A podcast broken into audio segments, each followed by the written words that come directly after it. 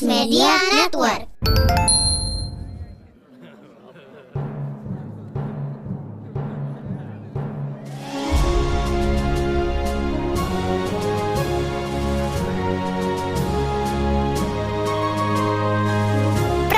Perhatian. Dongeng Paman Geri akan segera dimulai.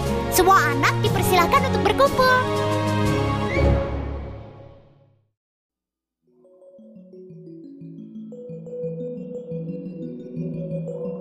Halo adik-adik.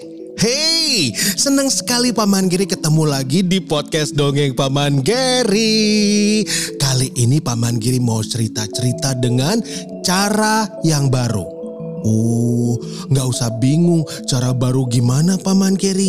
Gini, cara barunya adalah Paman Geri nanti akan bercerita atau mendongeng dengan bersajak atau berrima. Terus langsung pada bingung. Tahu kan kalau puisi itu ada rimanya. Alias kalau bahasa Inggris nih, it's a rhyme. Gitu. Ya, kita coba ya hari ini dongeng bersajak. Oh, judulnya judulnya Naga dan Pencuri Telur. Kita dengarkan yuk.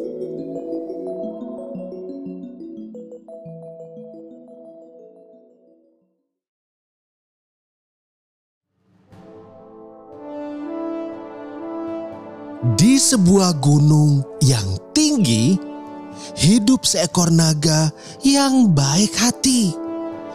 Walaupun bisa mengeluarkan api, tapi ia tak pernah menyakiti. Naga sedang senang sekali karena hari ini ada sesuatu yang terjadi. Ia bertelur untuk pertama kali.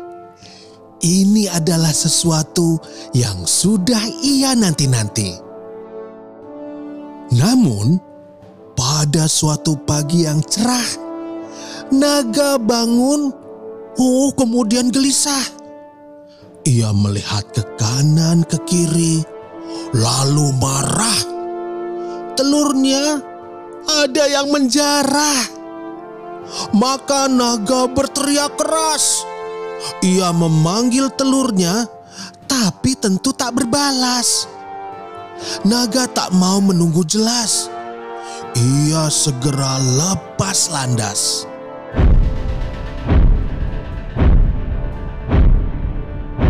Naga terbang di atas sebuah kerajaan yang selama ini hidup tentram dan aman.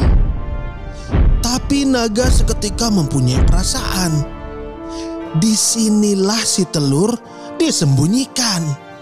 Si naga terbang rendah membuat takut warga. Nafas apinya meninggalkan jejak jelaga.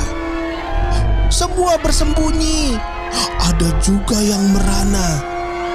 Tapi ada satu yang berani berlaga. Itulah Dona, sang putri raja berdiri di puncak tertinggi istana, melambaikan sapu tangan merah muda, lalu menunduk, memberi hormat pada sang naga. Sang naga berhenti menyemburkan api. Ia terbang rendah sekali di atas sang putri. Lalu perlahan ia hinggap sendiri di puncak istana sambil tetap mengamati. Mengapa kau marah, naga yang cantik? Kami tidak mengganggumu. Kami baik. Tanya sang putri sambil menampik terik. Si naga mendengar dan berbalik. Aku mencari telurku yang hilang pagi ini. Ketika aku tidur, ada yang mencuri. Lalu dibawa ke sini, ke kerajaan putri. Dengan berani tapi penuh simpati, Putri Dona punya ide yang bagus sekali. Jika benar ada di sini, maka akan kubantu kau mencari. Tapi jangan kau menakuti warga di sini. Begitu kata si putri yang santun dan baik hati. Maka naga merundukkan punggung untuk sang putri. Putri dan naga mencari telur bersama. Terbang rendah sambil membuka mata. Karena telur akan bersinar jika dekat ibunya.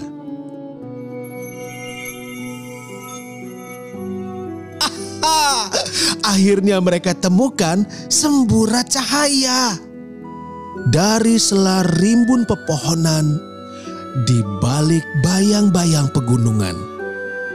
Sampailah mereka di depan sebuah pintu. Satu rumah mungil berpenghuni tujuh. Si kepala keluarga tertegun kaku melihat putri raja dan seekor naga di depan pintu. Dari depan pintu terlihat jelas di tengah meja, di antara piring dan gelas, sebuah telur besar kelabu bagaikan cadas. Wajah kepala keluarga berubah memelas.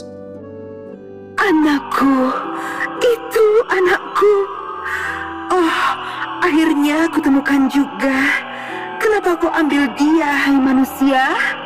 Si kepala keluarga menunduk malu.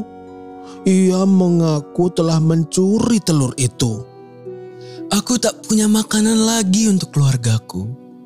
Jadi terpaksa aku curi telur dari gua di Gunung Batu. Tapi aku menyesal dan tidak tega karena telah memisahkan anak dari ibunya. Perkataan si kepala keluarga membuat hati pilu. Putri raja tidak bisa menyembunyikan wajah yang sendu. Bukan karena pengakuan yang menggetarkan hati, tapi karena ada warganya yang terpaksa mencuri. Putri meminta maaf pada naga, terlebih lagi pada keluarga yang tak sejahtera. Ia berjanji akan lebih memperhatikan warga. Jangan sampai terjadi lagi kelaparan melanda. Tak disangka, sang naga ikut terharu mendengar cerita. Sampai ia meneteskan air mata. Ambilkan wadah, jangan sampai air mataku tersia-sia. Semoga berguna untukmu, wahai manusia. Air mata naga jatuh satu persatu ke dalam cawan. Lalu ajaib berubah menjadi berlian. Naga tersenyum lalu berpamitan kepada keluarga dan juga putri yang budiman.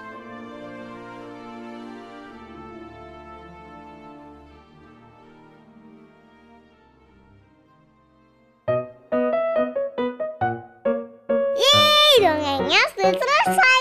Jumpa lagi di dongeng Paman Geri selanjutnya.